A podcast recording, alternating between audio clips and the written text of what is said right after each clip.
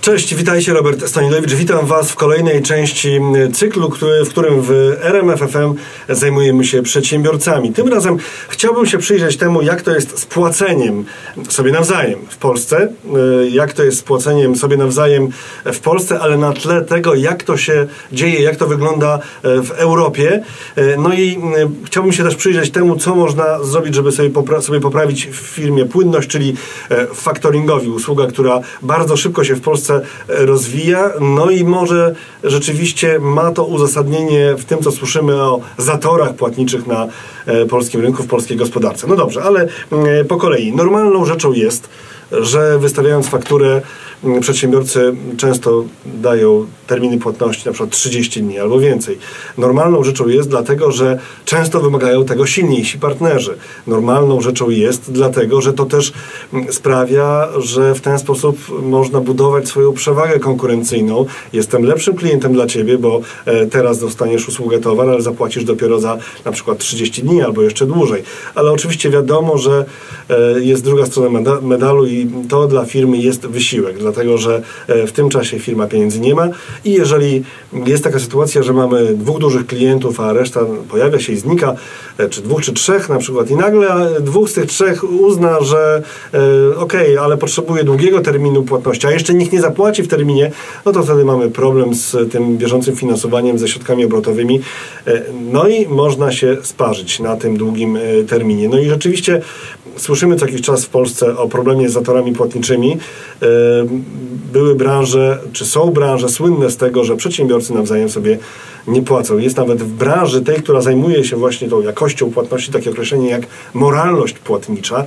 E, no i czasami można odnieść takie wrażenie, że z tą moralnością płatniczą oczywiście, o innej się nie wypowiadam, w Polsce jest bardzo, bardzo słabo. A jak, jak jest? No i to jest właśnie bardzo ciekawe, bo ja przyglądam się y, między innymi tej sprawie od dawna, właściwie od lat y, gdzieś tam w krąg moich zainteresowań to wraca. Y, I teraz zebrałem różne informacje, różne dane, no i ten obraz jest niejednoznaczny, bo te dane są bardzo różne, słuchajcie. Rzeczywiście z jednej strony słyszymy o katastrofach i w danych też widać katastrofy pewne, a z drugiej strony na tle y, reszty Europy naprawdę wypadamy nieźle i coraz lepiej. No jak jest? No oczywiście bardzo wiele zależy od tego, w jakiej branży się działa. Jak już wspomniałem o tych branżach dotkniętych y, tym paraliżującym zatorem płatniczym, permanentnym często, no to są takie branże, gdzie rzeczywiście jest tym bardzo, e, bardzo słabo. Y, ma być generalnie lepiej, tak, tak przynajmniej państwo, państwo, państwo, nasze państwo uważa, bo ustawa y, wchodzi w życie od y, początku roku. Y, ta ustawa, świeżo upieczona ustawa, czy świeżo przeprowadzona ustawa, która ma właśnie się jakoś rozprawiać z zatorami płatniczymi, to ważny element, który chcę tutaj, o którym chcę Wam przypomnieć.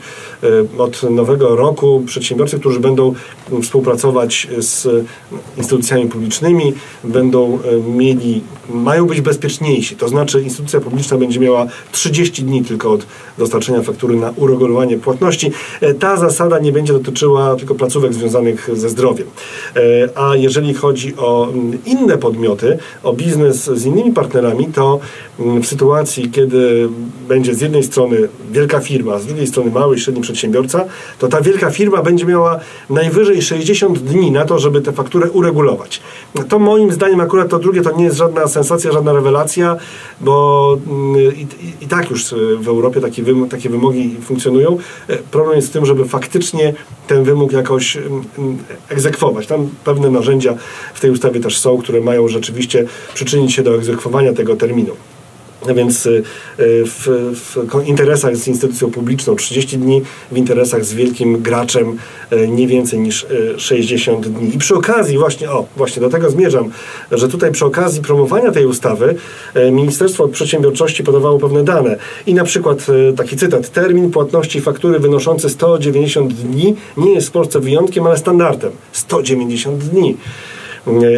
Kolejny cytat. Szacuje się, że zapłaty w ustalonym terminie nie otrzymuje 80-90% przedsiębiorstw w Polsce. E, z kolei jedna z firm e, ubezpieczających transakcje handlowe podaje, że zaledwie jedna na 10 firm otrzymuje płatności od kontrahentów na e, czas. Biuro Informacji Gospodarczej BIK Infomonitor podawało w marcu, że w pierwszym kwartale tego roku odsetek przedsiębiorstw, w którym kontrahenci w ostatnich 6 miesiącach opóźnili płatności o ponad 60 dni, wyniósł 49%, czyli prawie połowę. Katastrofa dramat. No i z drugiej strony sięgam do e, raportu szwedzkiej e, firmy Intrum Justitia, European Payment Report 2019. No i w tym raporcie aż oczy przecieram ze zdumienia, bo wygląda, wynika z tego raportu, że jesteśmy lepsi, lepsi niż średnia europejska. W tamtym roku to było 33 dni, a teraz 26 dni na zapłacenie. No więc y, oczywiście, jak ta rzeczywistość wygląda? Wygląda ta rzeczywistość tak, że przedsiębiorca y, bardzo często jest w takiej sytuacji, że nawet te 30 dni to jest za długo i pieniądze chce mieć wcześniej. Albo po prostu chce czy nie chce, potrzebuje tych pieniędzy wcześniej. Dlatego wymyślono na przykład factoring, e, czyli mam fakturę, E, przez internet nawet do instytucji, która mi obsługuje, te faktury wysyłam, bo jestem z tą instytucją e, na to umówiony, mam umowę na świadczenie takich usług, złożyłem wcześniej wniosek, a więc mam fakturę, wysyłam i dostaję natychmiast e, znaczną część, z reguły znaczną część pieniędzy, które są na tej fakturze. Prosto do mnie te pieniądze płyną.